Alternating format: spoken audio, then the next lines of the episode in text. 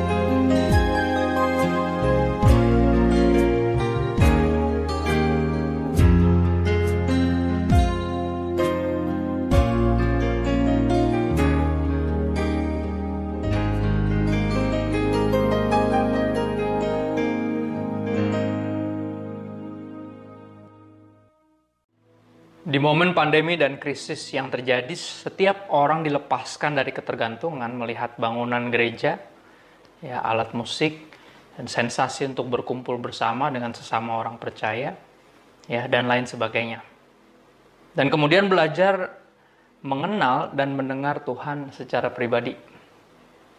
Ya, jadi di momen ini aku pengen ngomongin tentang in relationship with God, punya hubungan yang pribadi dengan Tuhan ya punya hubungan yang pribadi dengan Tuhan tentunya lewat apa? Dari kecil kita tahu lagu sekolah minggu baca kitab suci doa tiap hari. Itu bagian yang tidak terpisahkan dari hubungan dengan Tuhan membangun hubungan dengan Tuhan. Karena ini yang kenyataannya adalah agama nggak pernah terhilang.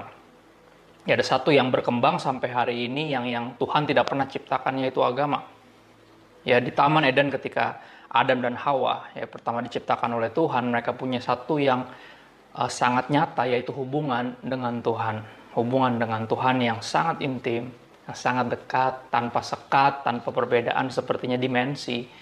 Ya, dan hubungan itu yang terputus ketika manusia pertama memilih untuk berdosa terhadap Tuhan. Ya dan inilah yang yang tujuan Tuhan Yesus Kristus datang ke dunia ini adalah untuk memulihkan hubungan yang terputus antara manusia dengan Tuhan, antara kita dengan Bapa kita yang di sorga. Ya, makanya agama Kristen pun akhirnya, agama Kristen pun akhirnya dituduhkan bahwa uh, Rasul Paulus lah yang membuat agama Kristen. Padahal kita tahu Saulus menjadi Paulus justru karena Yesus Kristus, karena Tuhan Yesus sendiri. Ya nggak mungkin dia bikin agama Kristen, dia dulu bunuh-bunuhin orang Kristen malah. Ya, dia tangkepin para pengikut Kristus sebelum dia menjadi pengikut Kristus juga. Ya orang yang tadinya bunuh-bunuhin orang Kristen jadi rela mati untuk memberitakan Kristus. Apa yang terjadi? Ya, Yesus Kristus hadir di hidupnya. Yang memulihkan hidup yang mengubahkan dia sehingga dia mengetahui bahwa orang bisa sangat beragama tanpa mengenal Tuhan yang dia sembah. Makanya ketika Tuhan Yesus bertanya kepada Saulus, mengapa engkau menganiaya aku Saulus? Dan Saulus akhirnya yang sangat beragama, dia udah sangat beragama pada saat itu. Ya, sangat ketat beragama dan bahkan lagi bunuh-bunuhin orang Kristen berpikir berbuat bakti bagi Tuhan dan akhirnya dia mau nggak mau mesti terima kenyataan dan bertanya dengan jujur siapakah engkau Tuhan dan Tuhan dengan jelas menjawab akulah Yesus yang kau aniaya dan seorang bisa sangat beragama tanpa mengenal Tuhan dan apa artinya untuk mengenal Tuhan? Ini yang terjadi. Yesus datang untuk memulihkan hubungan antara kita dengan Bapa karena hubungan itu yang terputus ketika manusia memilih untuk berbuat dosa. Dan Yesus datang untuk memulihkan hubungan itu. Dan kita akan belajar hari ini tentang in relationship with God, punya hubungan yang nyata dengan Tuhan. Ya, pertanyaan timbul sering kali kenapa harus memiliki waktu pribadi dengan Tuhan? Karena because it's the way to get intimate with him. Ya, waktu pribadi adalah waktu yang paling tepat untuk untuk intim dengan Tuhan. Ya, waktu yang saya sebut sebagai aku sebut sebagai biasa sebagai quality time. Quality time to get away from all of the um, busyness and noises. Ya, keluar dari semua kebisingan, semua um, kesibukan dan hanya untuk berdua dengan Tuhan. Dan hubungan yang yang yang nyata membutuhkan momen-momen seperti ini, waktu pribadi, hubungan mana pun sebenarnya, persahabatan, ya, suami istri, pacaran misalnya. Ya, dan tentunya hubungan dengan Tuhan juga tidak berbeda. Ya. Kenapa harus memiliki waktu pribadi dengan Tuhan? Because it's the best way to get intimate with Him. Makanya ada istilah yang yang menarik ketika orang uh, didapati apa ya um, terlalu terlalu apa ya affection of one another-nya, ya ketertarikannya satu sama lain, sayang-sayangan itu terlalu di di display di publik, orang akan selalu orang luar negeri sih khususnya akan bilang gini, eh hey, get room, eh cari cari kamar deh gitu. Maksudnya kalian berdua aja di situ nggak usah dipamerin di sini. Maksudnya ini konsumsi pribadi dan sama hubungan kita dengan Tuhan dimulai dari sesuatu yang yang yang terpisah waktu pribadi kita dengan Tuhan yang kita bikin sendiri. Ya karena sebelum uh, pandemi ini dialami oleh seluruh dunia termasuk negara kita kita terlalu sibuk dengan segala sesuatu dalam kehidupan ini dan nggak punya waktu buat Tuhan nggak punya waktu selalu jadi alasan untuk nggak punya waktu pribadi sama Tuhan padahal kita tahu kenyataannya apa kita akan buat waktu bagi yang kita anggap penting Kalau bicara nggak punya waktu, kita akan selalu nggak punya waktu. Tapi we will make time. We don't have time, but we will make time for those who are important for us. Kita akan buat waktu bagi yang penting untuk kita dan dan di momen kayak gini kita tahu Tuhan lagi mengkondisikan kita untuk punya waktu untuk apa waktu waktu pribadi dengan Tuhan. Dan ini yang yang kita harus syukuri dan manfaatkan dengan baik. Harus bisa kita lihat. Ya yeah. because it's the way, best way to get intimate with Him. So what's intimacy with God? Terus apa sih ke hubungan yang in relationship with God keintiman dengan Tuhan itu maksudnya apa sih Keintiman dengan Tuhan yang pertama jelas membawa kita untuk menghidupi um, tujuan sejati dari hidup kita. Artinya tidak gagal, tidak didapati um, berhasil di hal-hal yang lain, tapi di hal-hal yang nggak penting.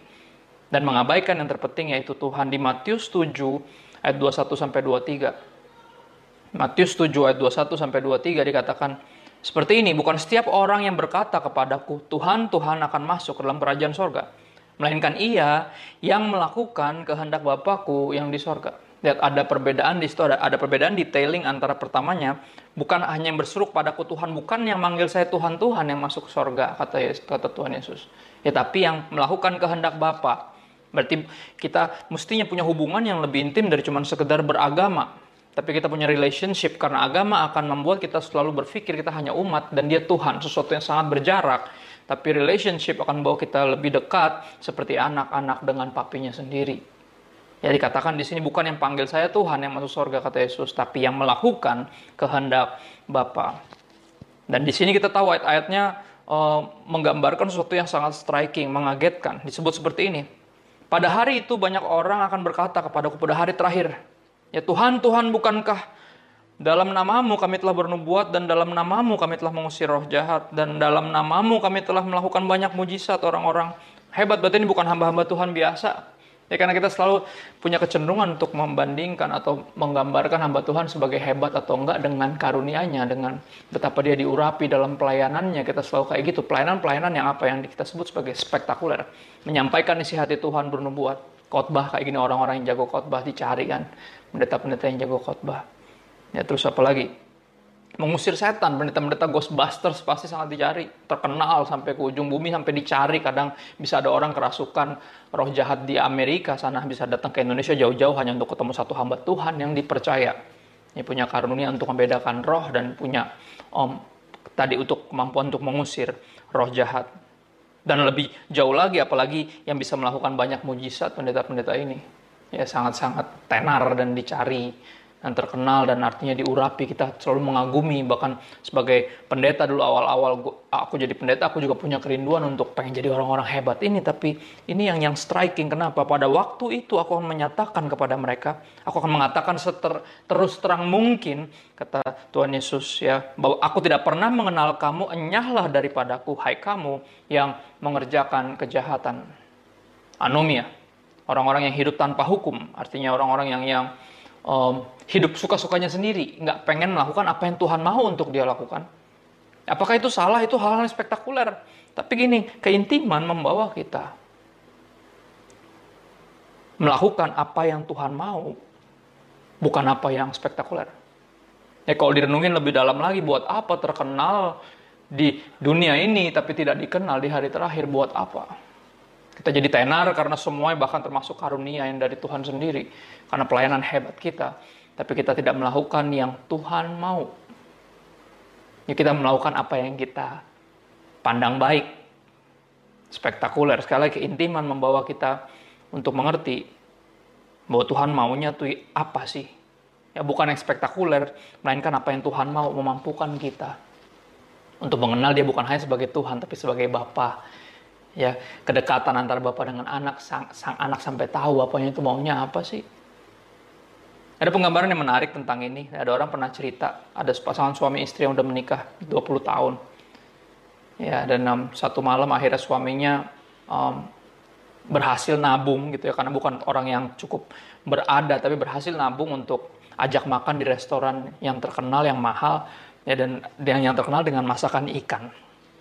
Ya itu menu utamanya ikan dan akhirnya suaminya makan di situ.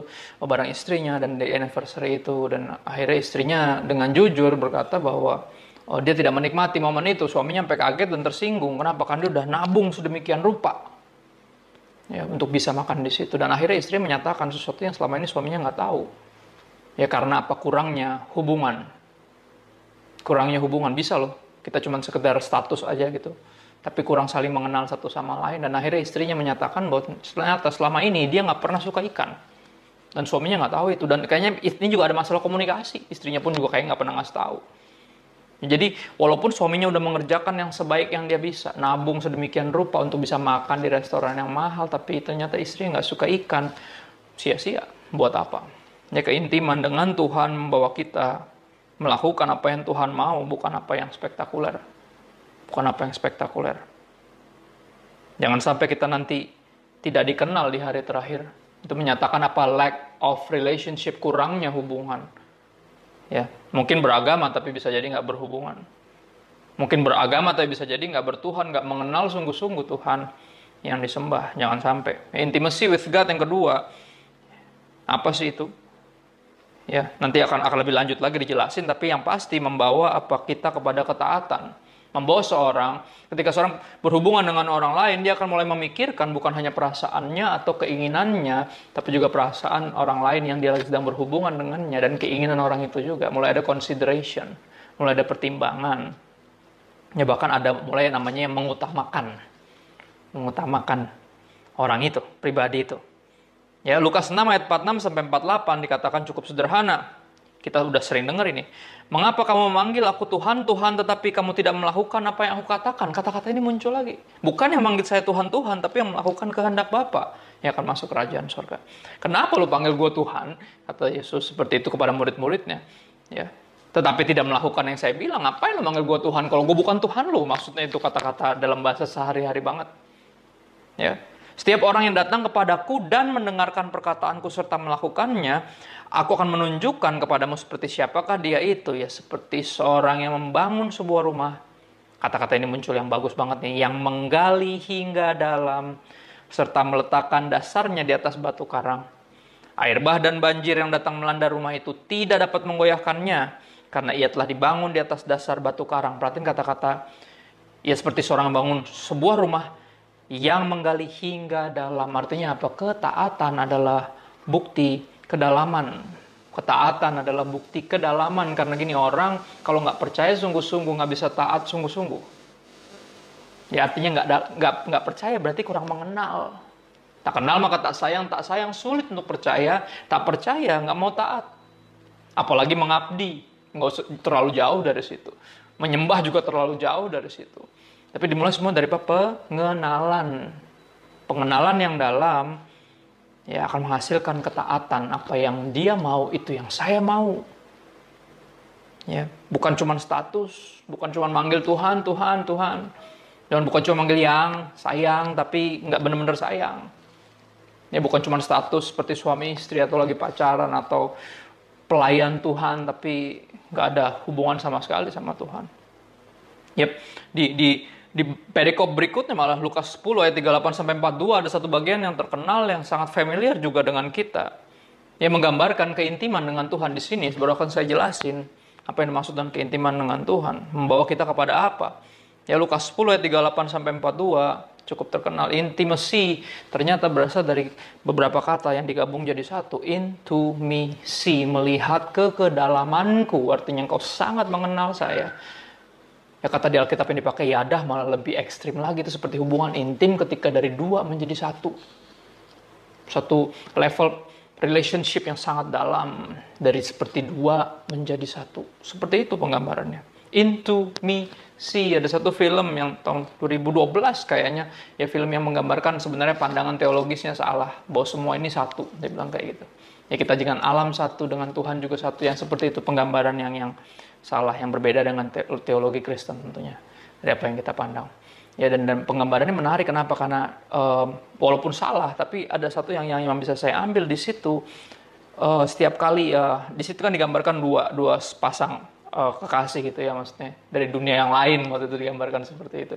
Ya mereka selalu menggunakan kata-kata itu I see you dia bilang itu saya melihat kamu saya bisa akhirnya seperti ada kayak saya udah bisa merasakan kamu gitu loh. I see you, I know you.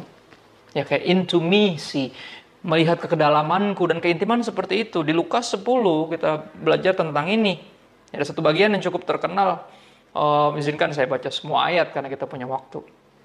Kalau kita nggak punya waktu, nggak mungkin karena Tuhan lagi bikin waktu. Ya untuk kita bisa punya hubungan sama dia. Waktu pribadi dengan Tuhan. Ketika Yesus dan murid-muridnya dalam perjalanan, tibalah ia di sebuah kampung. Seorang perempuan bernama Marta menerima dia di rumahnya. Perempuan itu mempunyai seorang saudara yang bernama Maria. Maria ini duduk dekat kaki Tuhan dan terus mendengarkan perkataannya. Sedang Marta sibuk sekali melayani garis ini tuh. Ia mendekati Yesus dan berkata, Tuhan tidakkah engkau peduli bahwa saudaraku membiarkan aku melayani seorang diri? Suruhlah dia membantu aku.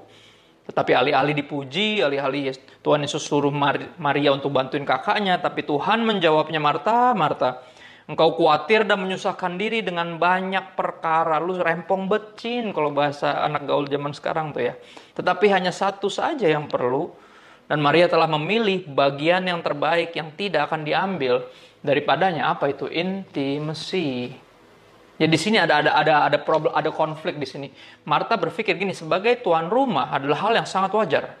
Ya ketika ada kedatangan tamu untuk Marta sebagai yang paling tua juga di rumah itu, mereka bertiga kakak beradik, benar ada Marta, uh, ada ada Maria dan yang paling kecil Lazarus yang sempat mati tiga hari terus dibangkitin sama Tuhan Yesus. Jadi Yohanes 11 kita bisa baca itu. Tapi Marta sebagai yang paling tua tentunya punya tanggung jawab moral dan kesopanan dan budaya untuk menyambut tamu apalagi ini kesayangan mereka yaitu Tuhan Yesus sendiri ya guru guru yang mereka kasihi pribadi yang sangat mereka kasih, sangat kagumi. Dan akhirnya Marta sebagai yang paling tua mengambil inisiatif untuk melayani, untuk uh, namanya um, apa namanya hospitality untuk semuanya dia lakukan. Dia keluarin teh atau kalau zaman sekarang keluarin biskuit dan segala macam. Dia pelayanan sibuk sekali ya dan dan karena dia tahu nih Yesus jarang-jarang datang nih tapi ternyata ada problem di sini. Karena bukan itu yang Tuhan Yesus mau bukan itu yang Tuhan Yesus harapkan dengan mampir.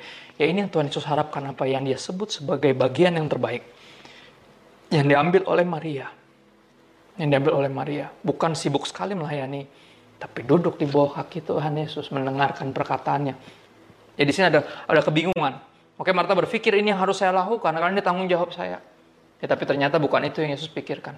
Marta berpikir karena Yesus jarang datang, makanya sekali datang pengen saya jamu. Tapi ternyata kebalik. Yesus ternyata berpikir sebaliknya, karena saya jarang datang, bisa nggak sekali-kali kalau saya lagi datang tuh kamu nggak sibuk sendiri. Karena kamu sibuk nih tiap hari.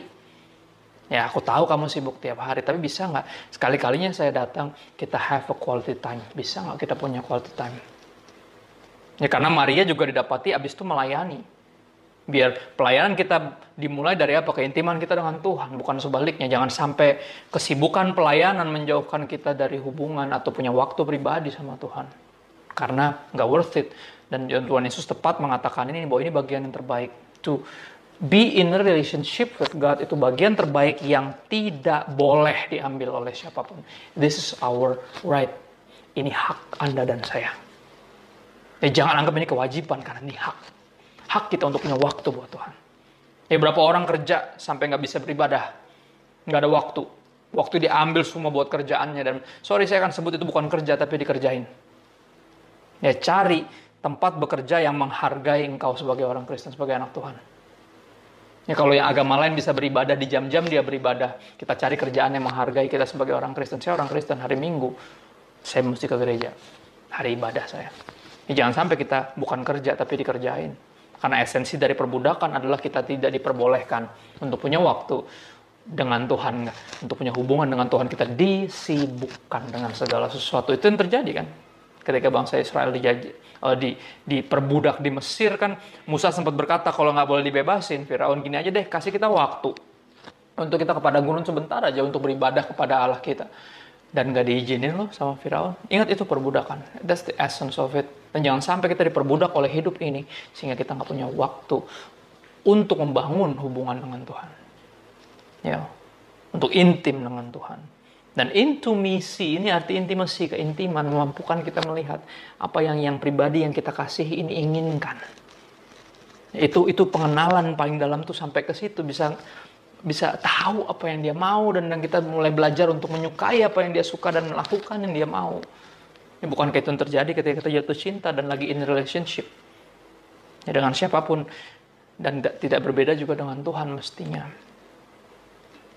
Ya. Membawa kita sampai ke kesimpulan ini. Tuhan Yesus pernah berkata seperti ini, dia bilang makananku ialah. Terjemahan lama berkata sebagai rejeki saya atau bahasa bisnisnya kita akan bilang sukses bagi saya. Ya, ialah melakukan kehendak Dia yang mengutus aku dan menyelesaikan pekerjaannya. Kalau sukses bagi Yesus adalah melaksanakan kehendak Bapaknya, bukankah sebuah kegagalan bagi kita untuk sukses di berbagai area yang lain tapi nggak mempedulikan kehendak Bapak? Makanya Roma 12 ayat 2 kita kenal ayat yang cukup familiar. Janganlah jadi serupa dengan dunia ini sehingga kita dapat membedakan mana ya yang menjadi kehendak Allah yang baik, berkenan dan sempurna. Berkenan, ada kata berkenan. Baik doang nggak cukup. Ya ingat tadi menyembuhkan orang sakit, uh, bernubuat, menyampaikan isi hati Tuhan, mengusir setan itu hal-hal yang baik, tapi baik aja nggak cukup karena mesti berkenan, artinya bukan yang spektakuler, bukan cuma yang baik, tapi yang Tuhan mau untuk kita lakukan. Dan tanpa hubungan dengan Tuhan. Ya tanpa intimasi kita nggak akan sampai ke situ, tapi intimasi akan membawa kita. Ya seperti dari dua menjadi satu. Seperti seperti level, level keintiman akan membawa kita seperti ini. Apa yang dia mau itu yang saya mau apa yang dia rindukan, itu yang akan saya kerjakan. Apa kehendaknya, itu yang akan saya selesaikan. Dan ini ini yang dimaksud dengan keintiman yang Tuhan rindukan untuk kita miliki dengan dia. Karena ini yang yang terjadi dari awal kita punya anugerah ini. Ya manusia pertama punya anugerah ini untuk intim sama Tuhan, untuk dekat sama Tuhan. Tapi kita lepaskan itu untuk hal-hal yang lain. Kita lepaskan itu untuk buah pengetahuan yang baik dan yang jahat. Kita lepaskan hubungan untuk memuaskan rasa penasaran kita kepada yang lain. Kita kurang bersyukur. Ya, tapi dengan hubungan yang kembali dipulihkan dengan Tuhan, ketika kita mulai punya waktu pribadi dengan Tuhan, mulai intim dengan Tuhan, bangun keintiman dengan Tuhan, kita akan memampukan ini. Kita akan dimampukan untuk melihat. Ya, kita mestinya mengerjakan yang Tuhan mau, bukan yang spektakuler aja. Ya, kita akan membuktikan kedalaman hubungan kita dengan Tuhan dengan ketaatan kita. Ya dan tentunya bicara tentang intimasi, keintiman dengan Tuhan, kita benar-benar mengenal Dia sedalam itu. Ya, dan tentunya kita menyadari bahwa sukses pada akhirnya dari sebuah relationship adalah kita berhasil mengerjakan yang yang oh, pribadi yang kita kasih, yang kita lagi berhubungan dengannya, inginkan dan rindukan. Dan yang berikut yang mesti dijawab adalah pertanyaan Kenapa penting atau gimana? Ya pentingnya mendengarkan firman Tuhan dalam kehidupan kita secara praktikal itu seperti apa sih? Orang selalu bertanya seperti itu. Ya, buat saya pribadi sebagai pendeta itu sebagai hamba Tuhan, saya tahu yang namanya teologi uh, practical theology. Oke, okay? teologi praktis adalah uh, iman kita yang dihidupi. Oke, okay? teologi yang dipraktekkan. Artinya apa yang kita pelajari itu yang kita lakukan. Itu practical theology. Kalau kita hanya belajar oh secara prakteknya ini gimana Pak? Kalau kita belajar lagi tentang prakteknya dan kita tidak mempraktekannya, kita hanya memperpanjang teorinya. Benar gak? Kita hanya memperpanjang teorinya. Practical theology means theology yang dipraktekkan. Oke, iman kita yang dihidupi kalau kitab Yakobus di, di, di, ya, didedikasikan untuk kenyataan bahwa iman tanpa perbuatan itu mati. Ya lewat perbuatan kita kita membuktikan iman kita. Lewat ketaatan kita kita membuktikan kedalaman hubungan kita dengan Tuhan. Ya. Ada tertulis. Ada tertulis manusia hidup bukan dari roti saja tetapi dari setiap firman yang keluar dari mulut Allah. Ya secara praktek, secara praktis ini yang saya lakukan. Saya belajar percaya apa yang Tuhan Yesus bilang di sini. Kalau bagi Yesus adalah apa? Firman Bapaknya yang di sorga itu lebih utama. Kehendak Bapaknya itu menjadi tujuan dia, alasan dia hidup, alasan dia antara mengabdikan seluruh hidupnya untuk menggenapi ya tugas dari Bapaknya menyelesaikan pekerjaan itu. Siapa kita menganggap ada yang lebih utama daripada firman Tuhan? Daripada kehendak Tuhan? Siapa kita? Ya, Yesus bilang manusia nggak hidup dari roti saja, tapi dari setiap firman yang keluar dari mulut Allah sepertinya ada perkataan seperti ini, seolah ada ungkapan. Ya, ada kita nangkap satu nilai bahwa gini, mendingan gua nggak makan, oke, okay, daripada nggak baca Alkitab. Ya nggak, itu kan secara praktek, secara bahasa sehari-hari. Makanya apa di sini? Iblis datang di pencobaan yang ini, iblis datang ketika waktu puasanya sudah selesai. Artinya udah boleh makan. Tapi walaupun udah boleh makan, Yesus tahu kalau tuh bapak saya belum suruh saya makan, saya nggak makan karena ini bukan tentang saya. Ini tentang melaksanakan kehendak dia. Ya, manusia nggak hidup dari roti doang, tapi dari setiap firman yang keluar dari mulut Allah. Secara praktikal ini yang saya lakukan buat saya pribadi. Oke, okay? saya nggak uh, menjadikan ini dipatokin semua orang harus kayak gini. Oke, okay, ini yang ini yang aku lakukan. Aku selalu mengingatkan diriku setiap kali aku makan atau lapar, entah sarapan pagi atau ngemil atau makan siang atau ngemil di antara itu lagi ada ada lunch, ada brunch, ada whatnot, mungkin ada makan malam dan ada ngemil-ngemil lagi sebelum tidur. Setiap kali perut saya lapar, saya terus mengingatkan jiwa saya bahwa jiwa saya bahwa rohani saya juga mesti dikasih makan.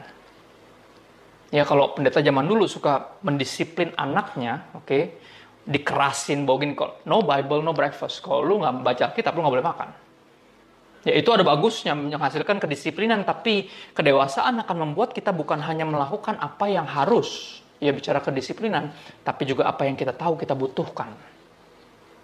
Ya, saya mendisiplin diri saya pertamanya.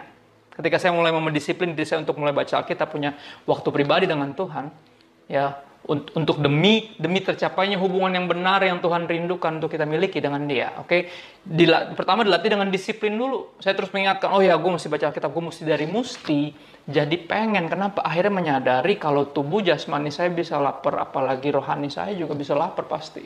Kalau tubuh jasmani saya butuh makanan, apalagi juga rohani saya juga butuh makanan. Ya manusia hidup bukan dari roti doang, tapi dari setiap firman yang keluar dari mulut Tuhan.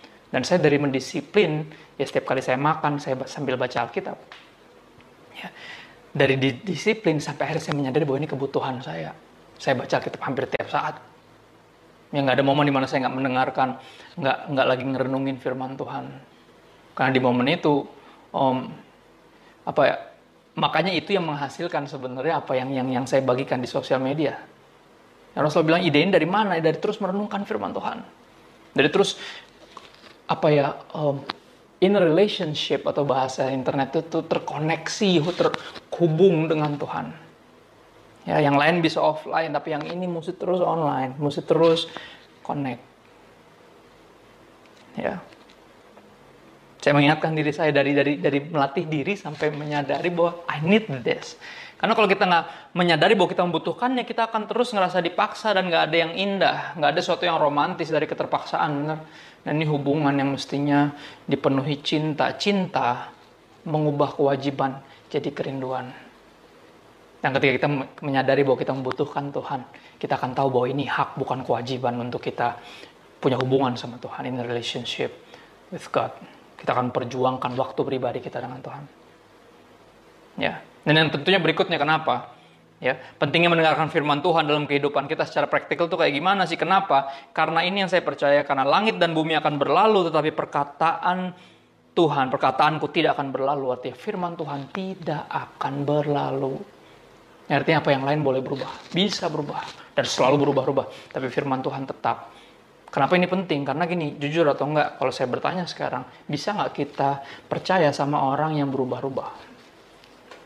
Sama orang yang mencela-mencela kalau bahasa sehari-harinya bilang tadinya ngomong apa, ntar besok ngomong apa, ntar besok ngomong apa lagi. Berubah-ubah terus bisa nggak yang berubah-ubah itu dipercaya? Makanya apa? Alkitab bilang apa? Don't trust your heart, jangan percaya kepada hatimu karena hatimu lebih licik daripada segala sesuatu.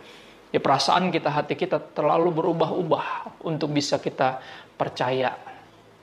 Ya pendapat orang juga sama, berubah-ubah terus.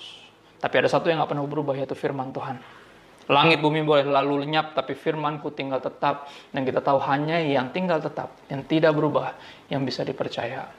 Hanya Tuhan yang bisa dipercaya. Dan aku berdoa sungguh-sungguh. Ya buat siapa pun yang mendengarkan ini untuk memperjuangkan hak kita. Untuk punya waktu pribadi dengan Tuhan. Untuk membina hubungan ini. Karena ini yang Tuhan Yesus perjuangkan di kayu salib. Untuk memulihkan kembali hubungan kita dengan Bapa Sehingga kita kembali menjadi satu. Menjadi satu seperti Yesus dan Bapa satu, dia rindu untuk kita menjadi satu dengan Tuhan melalui Yesus Kristus. Tuhan Yesus memberkati.